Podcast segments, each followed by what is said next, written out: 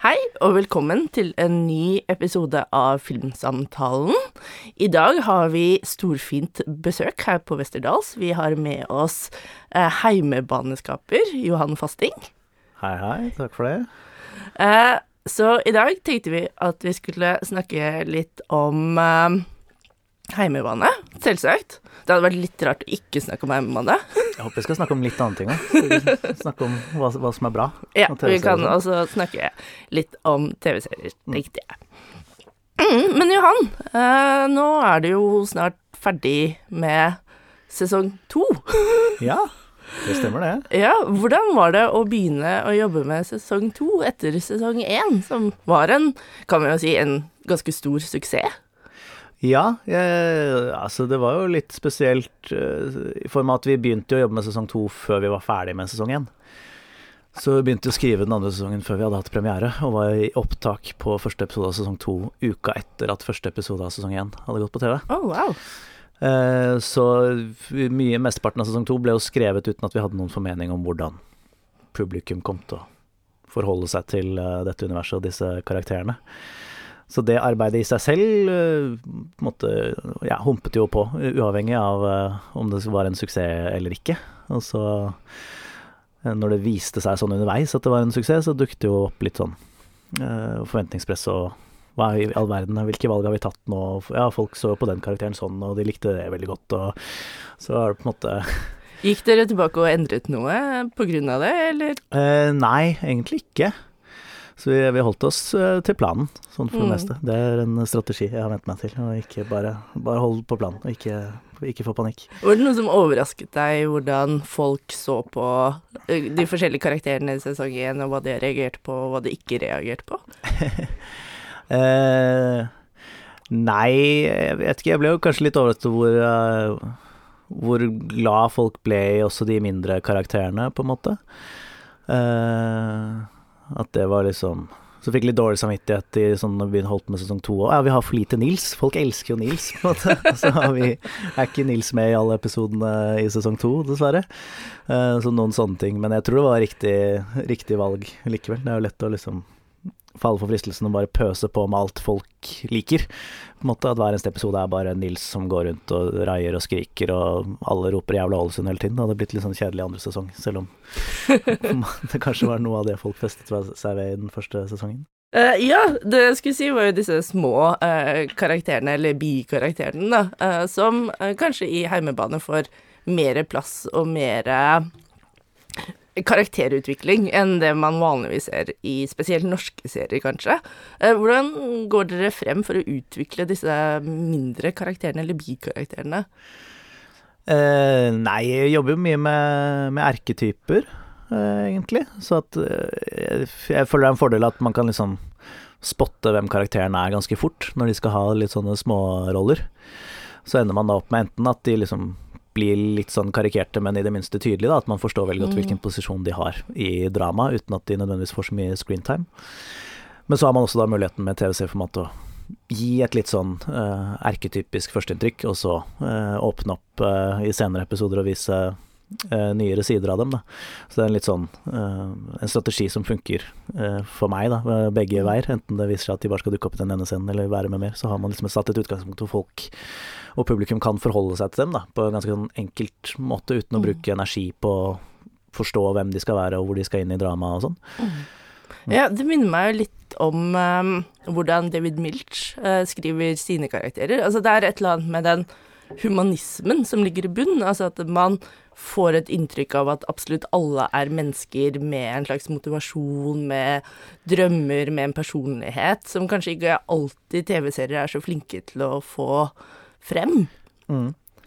Så jeg tenker jo at det kanskje er en av heimebanes store styrker, da, at man har den derre veldig sånn humanistiske eh, delen i bunn. Fordi jeg tenker jo Altså, jeg har jo en sånn deling eh, i min doktoravhandling når jeg skriver om TV-serier, om serier som er plottbaserte, hvor veldig mye handler om å komme fra liksom A til B.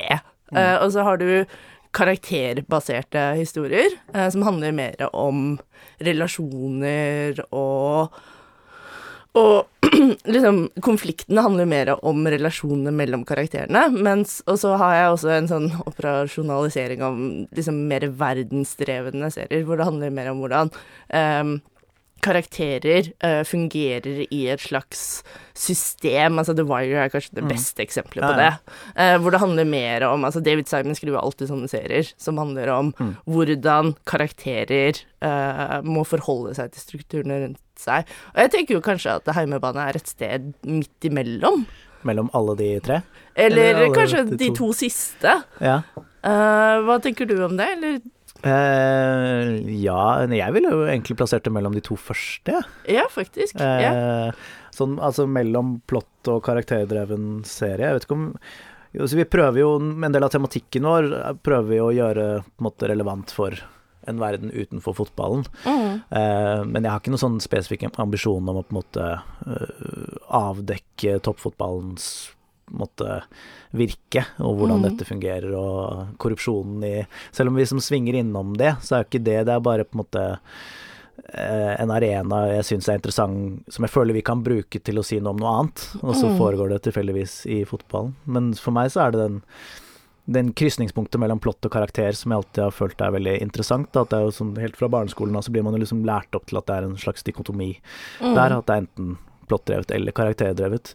Uh, mens de tingene jeg liker best, er jo de som klarer å veve de tingene sammen. Uh, Og for meg så er jo egentlig plott er det aller beste verktøyet vi har mm. til å komme under huden på karakterer. Mm. For plott handler jo om å på en måte gi karakterene hindringer og utfordringer som avslører hvem de er. Ja. Og det er jo ikke sånn at jeg mener at The Wire ikke har et plott. Nei, nei, det, det har de jo.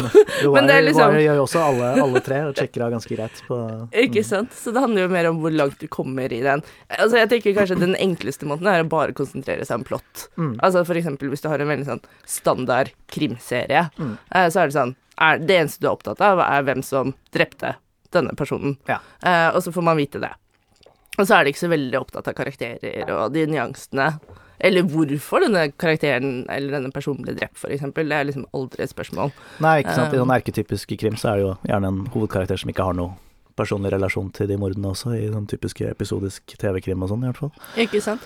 Eh, og så når du legger på disse karakter, så, uh, karakterrelasjonene, så blir det jo mer interessant. Og så når du kommer liksom opp på det andre nivået, hvor det også handler om mer struktur. Men jeg er uenig med deg. Jeg syns mm. jo Heimebane gjør dette, og spesielt kanskje i den nye sesongen, så er det jo en episode som faktisk handler om Um, lønnsforskjeller. Ja, ja. uh, og det er jo Og det handler veldig mye om økonomi, denne nye sesongen. Mm. I forhold Kanskje hvis man sier at den første sesongen hadde dette temaet med liksom den første kvinnelige treneren og hadde et mer sånn feministisk overliggende tematikk, da, så har mm. kanskje denne andre sesongen har mer hva skjer når liksom kapitalkreftene kommer inn. Mm. Uh, så jeg syns jo det uh, var kanskje så jeg ser jo helt tydelig altså, det er, det er liksom disse tematiske At man bygger opp disse sesongene tematisk. Var det um, intensjonelt, eller var det Ja, vi jobber jo ganske uh, konkret med tematikk. Uh, men ikke sånn umiddelbart. Vi prøver å finne, finne plottet først, og så, når vi på en måte legger opp det, prøve å gå i dybden på ok, men hva er det dette egentlig handler om? Mm. Hva er de store spørsmålene som ligger under dette, mm. under dette plottet her? Og her var jo kortene ganske lagt fra slutten av første sesongen at de mister Tangsrus, de mister alle pengene sine. Mm. Så da vet man at ok, denne sesongen skal starte der med at de mm. har store pengeproblemer. Eh, men så igjen så handler det for meg da om ok, hvordan ok, hvordan kan vi bruke det plottet til å gå til angrep på karakterene, på en måte, mm. og gjøre det vanskelig for dem og vondt for dem å få dem til å vise hvem de er. Mm. Uh, og det er jo det sånn sesong to Det økonomiplottet i sesong to i hovedsak handler om for min del, er jo på en måte gå til angrep på de karakterene på nye måter, spesielt Espen, han daglig lederen, får jo mm. da eh, det får jo ringvirkninger ganske langt inn i sjelen til slutt, eh, både for mm. han og for, for, klubben, den første økonomiske dominobrikken. Og prøve å se på det også i lys av de andre spillerne som ja, mm. viser nye sider av seg selv da, i møte med de økonomiske problemene. Mm. Eh, så det er også for meg et sted hvor plott egentlig går til angrep på karakter. Eh, mm. Men så kommer jo tematikken under det, og så prøver vi å skru til karakteren og handlingsforløpet sånn at tematikken løftes frem samtidig, da. Mm. Eh, så det økonomiske er jo ikke Det jo, gir jo en, en del muligheter, men det er jo også egentlig bare en paraplyen over der, som mye av sesongen også handler om for oss, er jo makt. Mm. Eh, og, og den økonomiske makten er en ganske sentral del av det, men det er maktforhold mellom eh, flere av karakterene også maktforhold mellom kjønnene, som også er et sånt interessant utgangspunkt for den nye sesongen her. Eh, hvor man på en måte i første sesongen handlet om en kvinne som må inn og ta makten fra alle mennene. Eh, og prøve å i sesong to snu på det. Da. Ok, Hvis sesong én var en kvinnes vei inn i et patriarki, så er vi nå i et matriarki, på en måte, Ja. og prøve å vri fotballen om til å bli styrt av kvinner, og hva, hvordan disse mennene eh, skal slite med å forholde seg til, og hvordan maktbalansen har forandret seg der. Da. Mm. Og så har man forskjellige eh, ja, ressurser å utøve den makten med. Ja, det her er jo og- et tema som en del er uh, veldig opptatt av. Det var litt sånn et øyeblikk der, så tenkte jeg ok, kommer de faktisk til å begynne å snakke om Jordan Peterson? Ja, ja. Uh, men ja, em, en annen ting jeg også tenkte på, var um, Denne sesongen er jo kortere enn sesong én. Hvordan var det å jobbe med Dere har vel åtte episoder denne Ja. sesongen versus ti den Mm. første sesongen. Ja, nei, det, det er ikke noe jeg liker sånn veldig godt. Jeg burde ikke sitte der i sånn promouke og si det, men jeg er jo ganske gammeldags av meg når det kommer til TV-serier. Jeg vokste opp med 22 episoders sesonger av alle favorittseriene mine. Så alt jeg vet liksom har i ryggraden om TV-dramaturgi, kommer derfra. eh, hvor man da er tvunget til å ha episodisk struktur på mange av de 22 timene. eh, og så helst også en overordnet sesongbue som nøstes sammen på slutten, da. Det er jo det den liksom eh, narrative ambisjonen vi prøver å strekke oss mot. Eh, men det er vanskelig når det er åtte episoder. Med ti episoder i sesongen så gikk det akkurat. Vi hadde liksom Mm. akkurat nok rom til å fortelle den lange sesongbuen, men også ha noen avstikkere, noen episoder som handlet om noen andre karakterer, tok for seg noen liksom mindre problemer, da, og bli kjent Mm. med karakterene på den måten. Eh, men sesong to så er det med åtte episoder så må man på en måte Narrativen må gå hele tiden. Du må Mm. egentlig alltid holde øynene opp for den lange sesongbunnen. Mm. Så jeg vil si sesong to er en mye mer bingevennlig serie Mm. enn sesong én var. Ja. Eh, sesong to er fint om folk ser det hver søndag, men jeg, jeg tror den i større grad enn sesong én måtte tjene på å bli sett i én slump, da. Fordi her det er på en måte flere linjer som vi drypper mer gjennom hele sesongen uh, enn i sesong én, hvor vi behandlet Mm. problemene litt mer isolert sett. Mm. Eh, Jeg er jo akkurat som deg. Jeg er også veldig glad i TV-episoden. Mm. Uh, og man ser jo det mer og mer nå, så jo, går jo denne diskusjonen om at alle TV-serier er en ti timer lang film, når jeg egentlig syns det er helt tullete. Eh, selv om jeg må si at jeg faktisk har begynt å binge den Netflix-serien You, og den fungerer faktisk som en ti timer lang film. Ja, jeg uh, ble også sittende og se på den i, i helgen. Ble, ble sittende hele veien til slutten. jeg var ikke Tenkte, helt tenkte jeg det, på da. det, at det er eh, overraskende at det funka så godt som det gjorde, men jeg ble, ble Ja. Men problemet med disse seriene som You og Stranger Things og sånn, hvis, hvis jeg går tilbake nå og prøver å huske ting, så husker jeg egentlig ingenting. Eh, Fordi alt har bare blitt en sånn smørje, og så husker jeg egentlig ikke hva som skjedde. Men hvis jeg går tilbake til liksom favorittseriene mine, sånn Buffy og Friday Night Lights og Mm. selv The Sopranos og Mad Men, så husk, er det jo enkeltepisoder og enkelt um, øyeblikk jeg egentlig husker, og det er gjerne de det man gjerne kaller de spesielle episodene man ofte husker, ikke sant. Man husker Pine Barrens fra The Sopranos eh, mye klarere enn alle de andre episodene. Man husker Ja. Restless fra Buffy. Jeg må jo faktisk si at det var et øyeblikk der jeg trodde at du skulle skrive en Restless-episode. Hva i sesong to? Mot Ja. slutten der? Ja, ja. Så ja, det kommer Ja, det, når det kommer inn drømmesekvenser og sånn. Ja. Ja. Det, var, det var nok Det var mer på grunn av Sopranos faktisk akkurat der enn eh, Buffy sin drømmeepisode. Men jeg så ferdig siste sesongen av Sopranos den uka eller noe sånt nå. Eh, så var det bare sånn kom jeg på at hvor mye han bruker som drømmeskunstner. og så var det sånn Ja, men det la oss kjøre på. Vi gjør det, vi òg. Ja. Men det er noe jeg savner uh, med TV-serier. Og det er jo liksom Jeg merker jo også at de beste TV-seriene jeg har sett de siste årene, som f.eks. Leftovers, og så har denne veldig klare episodiske Ja. strukturen, sånn at man faktisk husker episoden. Uh, og for min del så er det jo kanskje det som gjør TV-mediet som fiksjonsform så spesielt, er jo nettopp det at man kan ha disse serialiserte buene, men også ha de spesielle episodene. At man kan leke med tonene fra episode til episode. Det uh, syns jeg Heimebane gjør utrolig bra. Um, er det noe dere tenker over når dere skriver? Altså dette med lek av tone, at man har forskjellige sjangre og forskjellige toner i de forskjellige episodene? Ja, jeg er enormt bevisst på det. Jeg er egentlig ikke interessert i å skrive en episode hvis ikke jeg vet ok, hva, hvilken film er dette, på en måte. Uh, så mm, om det er liksom Ok, denne her er litt sånn farse, dette er satire, dette er skrekk. Altså alt det hjelper meg veldig, da, for jeg vil at hver episode skal ha en identitet. For jeg vil at hver søndag når man setter seg ned for å se det, da, eh, så skal man, man skal, man skal ha, få noe ut av å se den ene episoden. De 50 minuttene her skal ha verdi i seg selv. Eh, og det er noe jeg har savnet veldig liksom, i opptakten til at vi fikk lov til å lage Herman, for da var det veldig sånn Den trenden var veldig dominerende. Mm. At uh, ja, at serier bare gled fra den ene episoden til den neste. Du liksom mm. aner ikke hvilken episode skjedde. Umulig å si. Er det noen som har en favorittepisode av Boardwalk Empire? Liksom? Mm. Det er liksom, alt glir bare over i hverandre, da. Uh, og det savnet jeg litt, da, for, men jeg har aldri vært sånn binge-fyr heller. Så jeg har liksom likt å se serier. Liksom.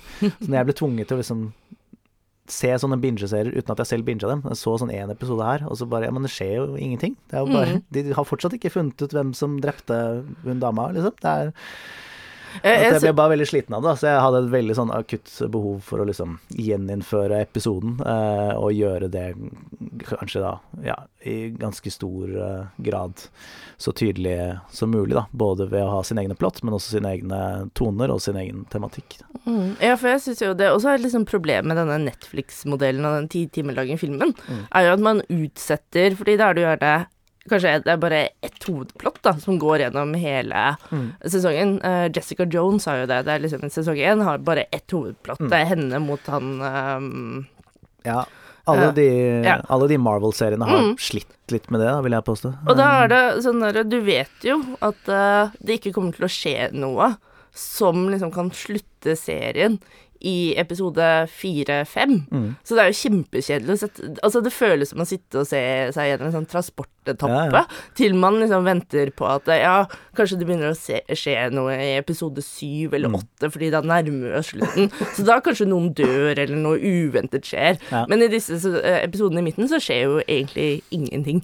Nei, jeg syns det var besynderlig med alle de Marvel-scenene. Jeg er jo veldig fan av Marvel, eh, og gledet meg til de, og så så jeg de, og så bare skjønte jeg jeg skjønner ikke hvorfor de ikke har tatt noe lærdom av den type serier som gikk på slutten av 90-tallet og begynnelsen av 2000-tallet, som gjorde det så ekstremt bra. Og de har et setup sånn Hun har superkrefter. Hun mm. kan på en måte løse en sak hver eneste uke, og så kan vi mm. bli kjent med henne gjennom og så kan han, på en måte, David Tennant, luske i bakgrunnen, mm. eh, og så kan man få noe verdi, men så er det liksom bare 13 timer med egentlig et filmplott da, som er strukket mm. ut i det uendelige, og det, ja. det holder jo ikke. Også, og Marvel-filmene, som man også egentlig kan se på en sånn, sånn megaserie. Mm. Uh, Avengers, alle Avengers-filmene.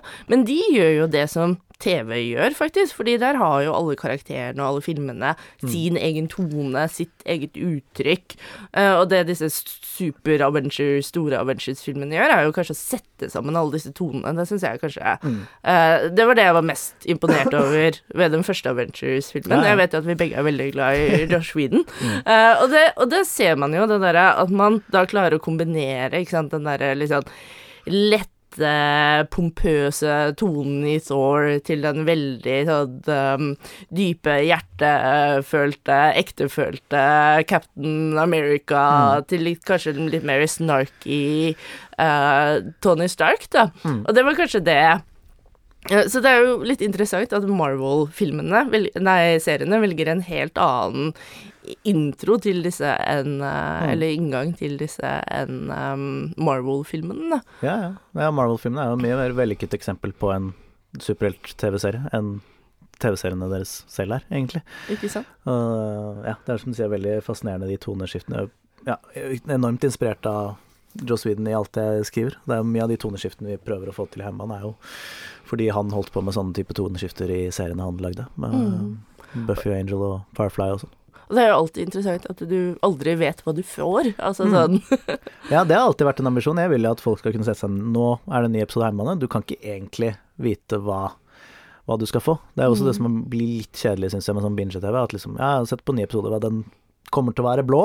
Det, det, kommer ikke til å være noen vitser. De kommer til å være veldig seriøse hele veien gjennom. De kommer ikke til å finne ut hvem som er ansvarlig for alt dette som har gått galt.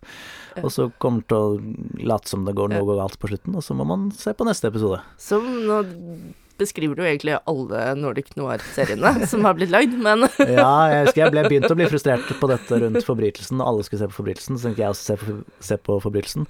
Og så så jeg det er 22 episoder, og jeg er på episode 9, og sa nå har vi han nesten. Nei, det har jeg ikke. Hvorfor må jeg vente i ti timer til på at dere skal Jeg skjønner jo at ingenting av dette er relevant. Bare, hun er jo en kul karakter, kunne ikke hun på en måte løst noen andre mord i mellomtiden, og så komme tilbake til den saken om mm, Jeg er helt enig, og kanskje hatt uh, litt mer vitser, litt mer forskjellige toner. Ja, man kan ikke ha vitser, vet du, da er det ikke en seriøs uh, serie, det... da er det dårlig. Det er kanskje en av de feilslutningene som irriterer meg mest ved kvalitets-TV, er mm. at mange går rundt og tror uh, i dag, tror jeg, som skal prøve å liksom skrive prestisje-TV, at det ikke skal være morsomt. Men når man ser på liksom klassikerne, mm. sånn The Wire og Sopranos og det du vet, det er jo utrolig morsomme serier. Ja, det er jo enormt mye humor i The Sopranos. Det er jo, mm. Noen av episodene er jo rett og slett sånn slapstick-komedieepisoder. Mm. Um, så det, hvis noen hører nå som har lyst til å skrive en TV-serie og har ambisjoner om det, og skrive en kvalitetsserie, mm. så håper jeg man bare legger det ned. Den ballen er død. Ja. Jeg syns egentlig det er litt uforsvarlig å på en måte skulle presentere publikum for 10-20 timer med historiefortelling som liksom skal speile virkeligheten, og så er det ingen som ler. Ingen, det skjer ikke noe morsomt. Det er jo ikke representativt for virkeligheten i det hele tatt. Vi ler jo hver eneste dag. Hver eneste dag så skjer det masse gøy, selv i de største tragediene. Ja, absolutt. Og det er jo altså- bare, du er bare med på å styrke dramaet hvis man har noe Det skjer noe gøy, det er noe letthet oppi alt det vonde, så blir jo bare det vonde vondere. Jeg skjønner mm. ikke hvorfor man skal forvikle seg inn i sånn alt skal være blått og mørkt og alle skal være seriøse hele tiden drama. Jeg blir utrolig sliten av det. Nei, jeg er helt enig. Eh, men man ser jo også at de seriene som kanskje lykkes mest i dag, da, er jo uh, de uh, som kanskje kan, man kan le litt av. Men jeg må jo også si at uh, Jeg vet ikke hva ditt inntrykk er av TV-landskapet nå, men når jeg så serier i fjor, så innså jeg at det var veldig mye bra, og veldig bra. Mm. Og veldig lite sånn helt utrolig nyskapende. Sånn på verdensbasis. Altså, det var veldig lite jeg tenkte dette er en sånn terningkast seks-serie som jeg kommer til å ta med meg videre. Mm. Um, jeg vet ikke hva ditt inntrykk er? Uh, nei, jeg syns det var fascinerende å følge TV-verden i fjor. Det føles som at det skjer jo mye at TV-serien er jo i ferd med å svare litt på filmen. Desto flere TV-serier vi lager, desto flere TV-serier blir det som på en måte utfordrer TV-ens form. Mm. Uh, som jo er bra. Så den der gamle ideen om at film er et visuelt medium og TV er et dialogmedium, det er jo ikke tilfellet lenger når man ser på de dominerende seriene som tør å pushe litt hva form kan være. da. Uh, og Sharp Objects, som var jo veldig uh, i vinden i fjor, fikk jo mye tok jo en del grep sånn klippmessig, f.eks., som ikke er, man ikke er mm. vant til å se uh, på TV, da, som er veldig forfriskende, som jeg tenker kommer nok til å være veldig innflytelsesrikt i tiden fremover, og som også blir litt sånn nødvendig når vi fortsatt insisterer på at Sharp Object, som jeg mener fortsatt er en film, uh, at den skal ikke være åtte timer, på en måte. Uh, du kan la David Fincher lage den på to timer, og så blir den veldig bra. Mm. jeg likte serien veldig godt også, men det er altså en sånn på 90-tallet så hadde jo det Man hadde jo laget filmen. Mm. Og så er det noen som har hatt det. Vi har laget film av Sharp Objects, og så har noen sagt ja, men nå er det TV som gjelder. Ok, da lager vi TV istedenfor. Og så er det ingen som har tatt noen på mm. måte, vurderinger på om er egentlig dette en TV-serie. Mm. Uh, nå er veldig gammeldags på det igjen, da. Uh, Men Alt var bedre sånn, før. ja, men jeg føler jeg ser det veldig mye i liksom filmbransjen nå også. I Norge så er det liksom alle, alle som for fire år siden hadde en filmidé, mm. de går nå rundt med akkurat samme ideen, og så er det en TV-serie. Mm. Og jeg er jo skyldig i det selv også. Ja. Eh, og så er det liksom en Skulle Heimebane egentlig være en film? Nei, det var alltid konseptuert som en, uh, en TV-serie. Men jeg er liksom blitt litt sånn opptatt av å på en måte gå en ekstra runde på men er dette egentlig en idé til en TV-serie. Mm. Som betyr at har man egentlig en arena her hvor man kan fortelle mer enn én historie? Mm. Eh, og svaret på det er ofte nei i mm. mange av de moderne TV-seriene som blir laget. Og da er man over i mer et sånt miniserieformat, da. Eh, mm. som er ja, by på noe helt annet, da. Eh, så det er ikke utelukkende negativt. Det betyr jo sånn som Sharp at da får én regissør muligheten til å gjøre alt, som Mm. gjør at man kan leke seg mer med form og kan Mm. ha et mer fullendt uttrykk. Så det er mye, mange bra konsekvenser av det Mm. også. Eh, og som sagt så likte jeg jo Sharp Objects veldig godt. Og yeah. Martin Oxen, som har Mm. laget det, er jo eksepsjonelt flink, hun òg. Ja, jeg, altså, jeg syns også serien var eh, bra. Mm. Eh, men jeg må jo si at mine favorittserier fra fjoråret var type sånn Bojack Horseman og The Mm. Good Place, som Ja, det er, de er jo helt fantastiske. er, det er Men det er jo komedier, men så er de jo også veldig episodiske. Ja. Altså Bojack er jo kanskje en av de eh, seriene som gjør det vi har snakket om nå, altså Mm. som har veldig sånn definerte episoder som handler om de forskjellige karakterene og tar opp forskjellige temaer Mm. eh, fra gang til gang. Ja, ja, det er utrolig deilig å sitte og se på Bojack. Og liksom, nå får jeg en ny episode av Bojack, og jeg vet at nå har de gått en hel haug med runder på å sørge for at de har en god idé til denne episoden Mm. her. At det er liksom ikke bare nå fortsetter vi der vi slapp. Det er liksom nå kommer jeg til å få presentert et eller annet fullendt i løpet av Mm. disse 25 minuttene, eller hva det gjorde. Mm. Som er utrolig Ja, setter veldig pris på det. Men så syns jeg også Men jeg tenker også hvis man har den derre filmideen Altså det som kanskje fungerte med Sharp Objects, var at den var ikke så lang. Mm. Og det samme gjelder en annen serie som Killing Eve. Ja. Den er jo heller ikke spesielt lang, så da fungerer den derre OK, eh, si at det er Episoden var 45 minutter, da, så da ble det en fire timer lang film. Mm. Det går. Ja.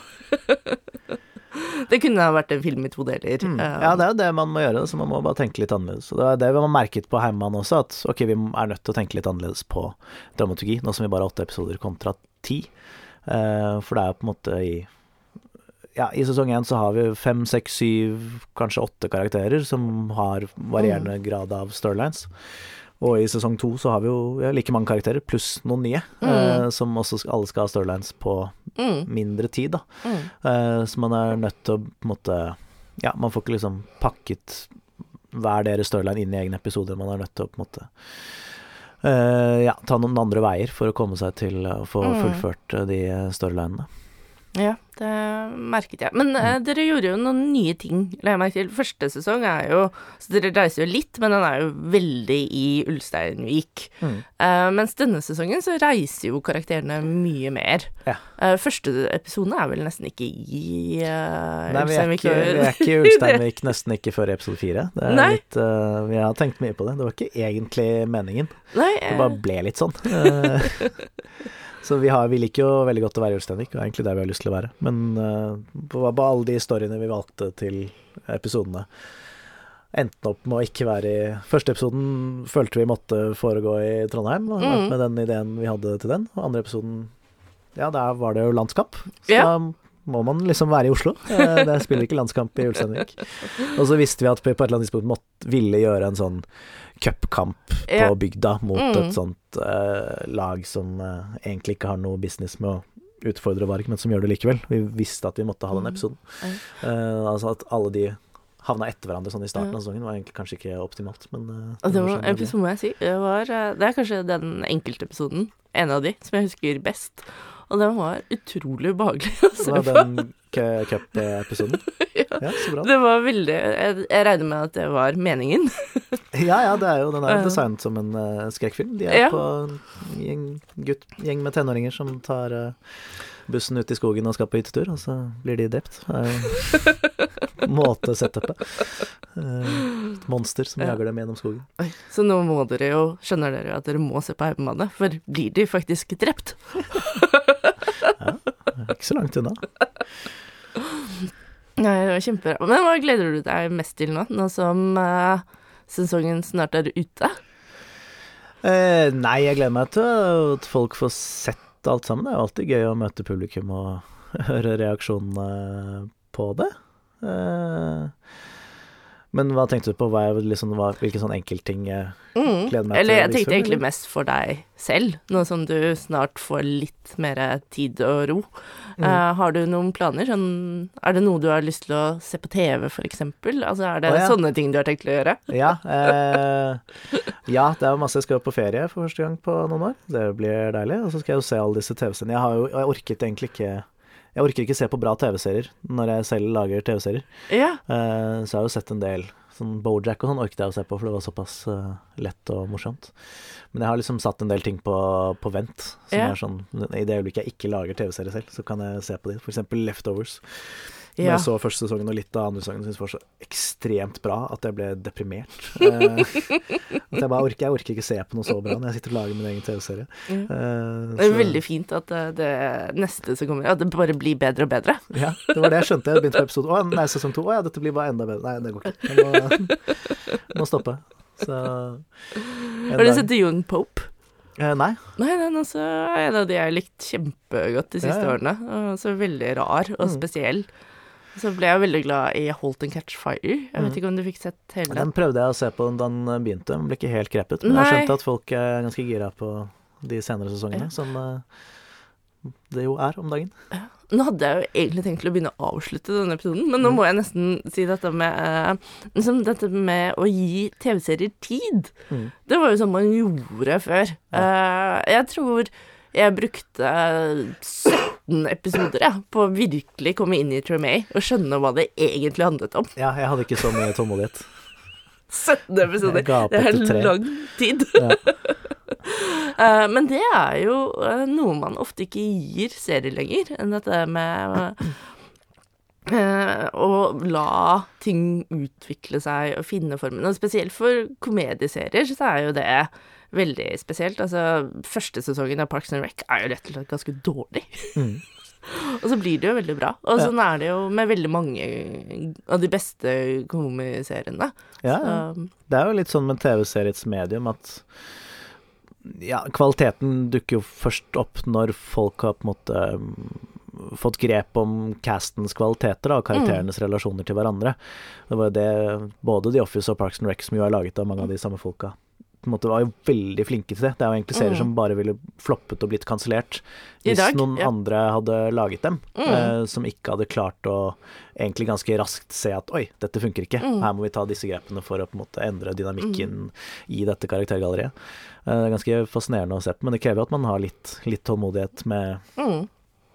med universet og serien, og at skaperne, eller kanalene og sånn, Mm. gir rom til det. Jeg argumenterer mye for det. eh, Sånn måte norsk bransje, TV-seriebransjemessig. At uh, vi tjener enormt mye på å la folk få lage flere sesonger, Mm. uh, istedenfor å på en måte hele tiden kaste nye debutanter ut som på en måte får seks episoder på seg til å måte Mm. vise seg frem, og så ja, ja, nå lager vi noe nytt. Fordi Mm. de egentlige kvalitetene i TV-serier dukker ikke opp før i Og det Eh, gjelder jo spesielt kanskje mer karakter- og relasjonsbaserte serier, for det Mm. bruker man jo lang tid på å sette eh, tonen og Ja, ja. finne disse relasjonene og hvordan karakterene fungerer sammen. Så jeg jo jeg driver og måte prøver å overbevise NRK om at de skal ta en sesong tre av Heimebane. Eh, Det er jo mitt argument at alle mine favorittserier er på sitt beste i sesong tre. Ja. Uh, mens det er ikke alle som deler den oppfatningen, men jeg føler det var- Mm. er sånn veldig tydelig. Uh, Jeg er mer på sesong fire, faktisk. ja, men ikke sant, at du må ut, må ut litt. Det er liksom Ja. ikke, det er veldig sjelden sesong én er liksom Ja. Av de seriene man husker og som man er glad i, Ja. da. Det er liksom ikke sesong én som Nei. viser den serien fra sin beste side. Det er liksom når man får gjort unna sesong én Mm. og ryddet opp i karaktergalleriet og hva er styrkene og svakhetene. Og så, etter sesong to, så får man ryddet unna Mm. de åpenbare storylinene. Og Mm. så sånn sesong tre og fire og sånn, så er man Mm. egentlig på sitt aller beste kreativt, fordi da er man nødt til å komme opp med nye kreative ideer Mm. og vise Utfordre karakterene på nye måter. Da. Så da Mm. plutselig tar man serien forbi det helt åpenbare, samtidig som karaktergalleriet er veldig sånn satt og tydelig. Mm. Eh, Ja. så for meg så er det ofte der det klikker på de aller beste, beste Ja. seriene. synes. Helt enig. Det er jo Mad Men sesong tre og fire er jo de beste. Absolutt. Sammen med Sopranos. Breaking Bad. Mm. Selv Lost. Lost, ja, Lost er, Der er det jo Sesong to var ganske dårlig, Ja. eh, så mange falt av. Men sesong tre og fire av Lost er helt enormt bra. Ikke sant. Og ja, også tilbake til Buffy Angel og Ja. Friday Night Lights. Ja. Helt Også- klart. Sesong tre og fire Mm. er det beste. Ja. Så da, da er vi enige. At vi må lage mange. Vi må alltid komme oss til sesong tre og fire. Ja. Så, I hvert fall når man skal lage karakterbasert drama. mm. Men det var kjempehyggelig å ha deg her, eh, Johan. Du får ha Ligeså. masse lykke til med debuten på sesong to, eh, som begynner. Du kan jo si akkurat når den begynner. Ja, søndag 17. februar. Klokken eh, Det er jeg litt usikker på, faktisk. Det burde jeg vite. Pinlig. Enten åtte eller ni, eller Ja. halv ni. Ja. Dere finner ut av det. Også Ligger på streaming fra morgenen av. Så da får dere kose dere med det. Og så kommer Johan tilbake hit for å snakke med oss når dere har sett ferdig sesong to for en spoiler-spesial Ja, om åtte uker. om åtte uker. ja. Så da høres vi igjen.